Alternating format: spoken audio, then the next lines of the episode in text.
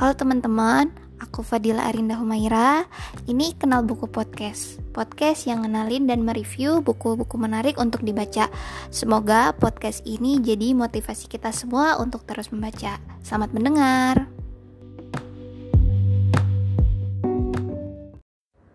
Di debut podcast pertama ini, aku bakal review novel yang punya genre historical fiction karya Yukio Mishima yang berjudul The Temple of The Golden Pavilion yang punya judul asli Kinkakuji. Jadi novel ini novel terjemahan berisi 350 halaman dan diterbitin sama Immortal Publisher. Kenapa aku baca buku ini dan kenapa aku pilih buku ini? Jadi pertama karena ada ketertarikan dengan novel dengan penulis Jepang legendaris. Ditambah lagi nih aku belum pernah baca bukunya uh, karya Yukio Mishima. Jadi pertama baca judul dan masuk ke awal cerita ini aku kira ini ma macam novel fiksi biasa. Dan setelah lama-lama dibaca aku baru ngeh kalau novel ini tuh bergenre historical fiction dan bahas salah satu tempat bersejarah di Jepang yaitu Kinkakuji. Dan sedikit cerita tentang kuil Kinkakuji. Mungkin banyak teman-teman yang udah tahu tentang kuil Kinkakuji. Jadi Kinkakuji ini kuil Buddha yang keseluruhan pavilion ini berlapis emas dan ada di Kyoto, Jepang. Jadi ini salah satu destinasi wisata sejarah di Jepang dan ini udah sangat terkenal. Kalau wisatawan mau main ke Jepang, khususnya ke Kyoto nih pasti Kinkakuji ini jadi salah satu tujuan wisatanya.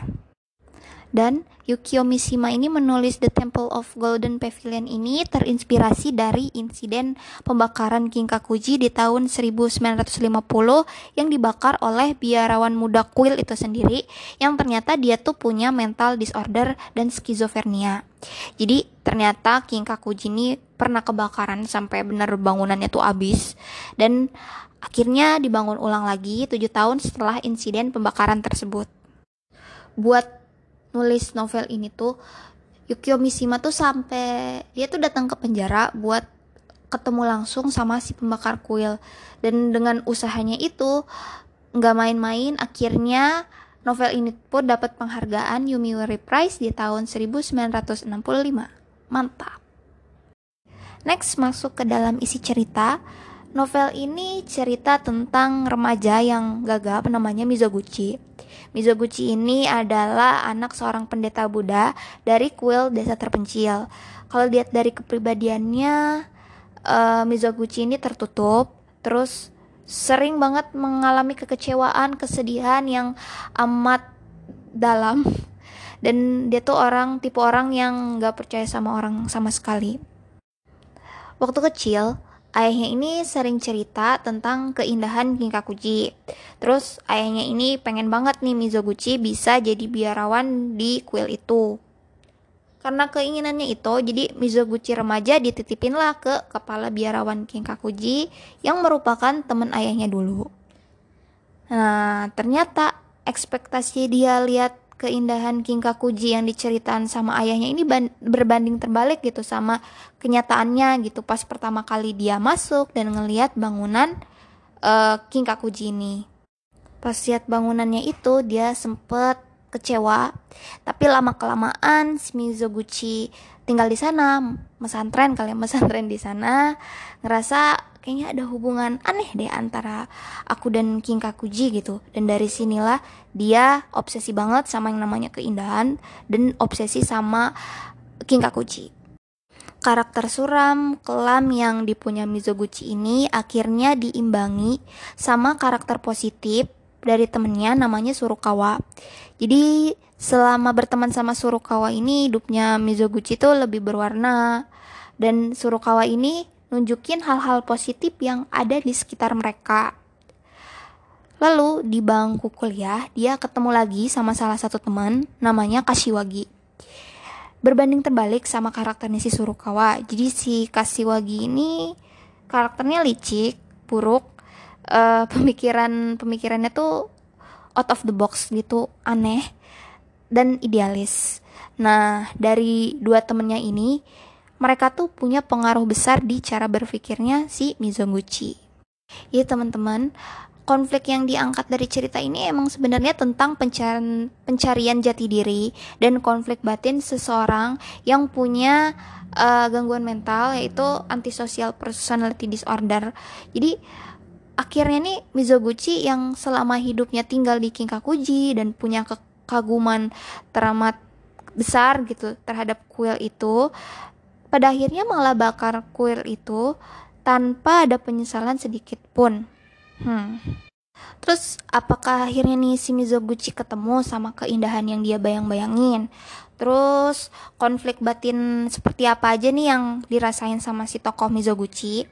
Aku harap teman-teman tertarik untuk tahu pergolakan batin dan sisi lain pemikiran seseorang yang uh, punya mental disorder.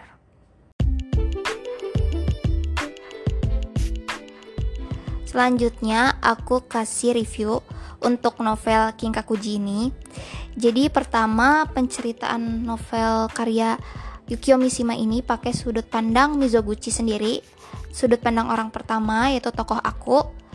Alur ceritanya ini lambat, jadi pergantian dari plot 1 ke plot 2 dari kejadian satu dan kejadian selanjutnya ini dimunculkan dulu konflik pribadi dia dulu. Jadi lama tapi digali secara dalam. Ini keren sih. Terus uh, ini punya unsur sastra Jepang yang kental dan kuat. Terus latar belakang, latar suasana dijelaskan sangat detail. Sampai ada uh, sampai satu atau dua halaman tuh abis sama uh, deskripsiin tentang detail tempatnya aja. Jadi sejarah Kinkakuji, gaya arsitektur kuil ini tertulis lengkap di novel ini nih macam lihat Wikipedia tapi ini tuh informasi Wikipedia tuh ada di novel ini. Setelah baca buku ini, aku beneran pengen tahu Kinkakuji itu seperti apa, pengen jalan-jalan ke Jepang, pengen lihat Kinkakujinya secara langsung. Tapi nih teman-teman eh, bahasa yang dipakai ini menurutku ini sulit dicerna. Jadi sampai ada beberapa part cerita aku miss. Harus dibaca ulang dulu baru paham ini maksudnya apa. Karena ini cerita tentang pergolakan batin tadi yang aku udah bilang. Dan ini tuh uh, konflik batinnya tuh bener-bener anti mainstream yang kadang gak dimasukin akal dan kita harus paham dengan uh, konsep itu jadi dengan review aku tadi aku kasih nilai 8 dari 10 untuk novel The Temple of The Golden Pavilion.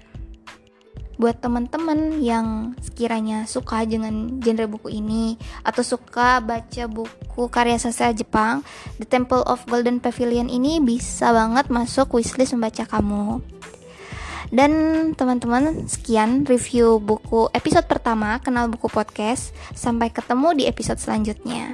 Dadah.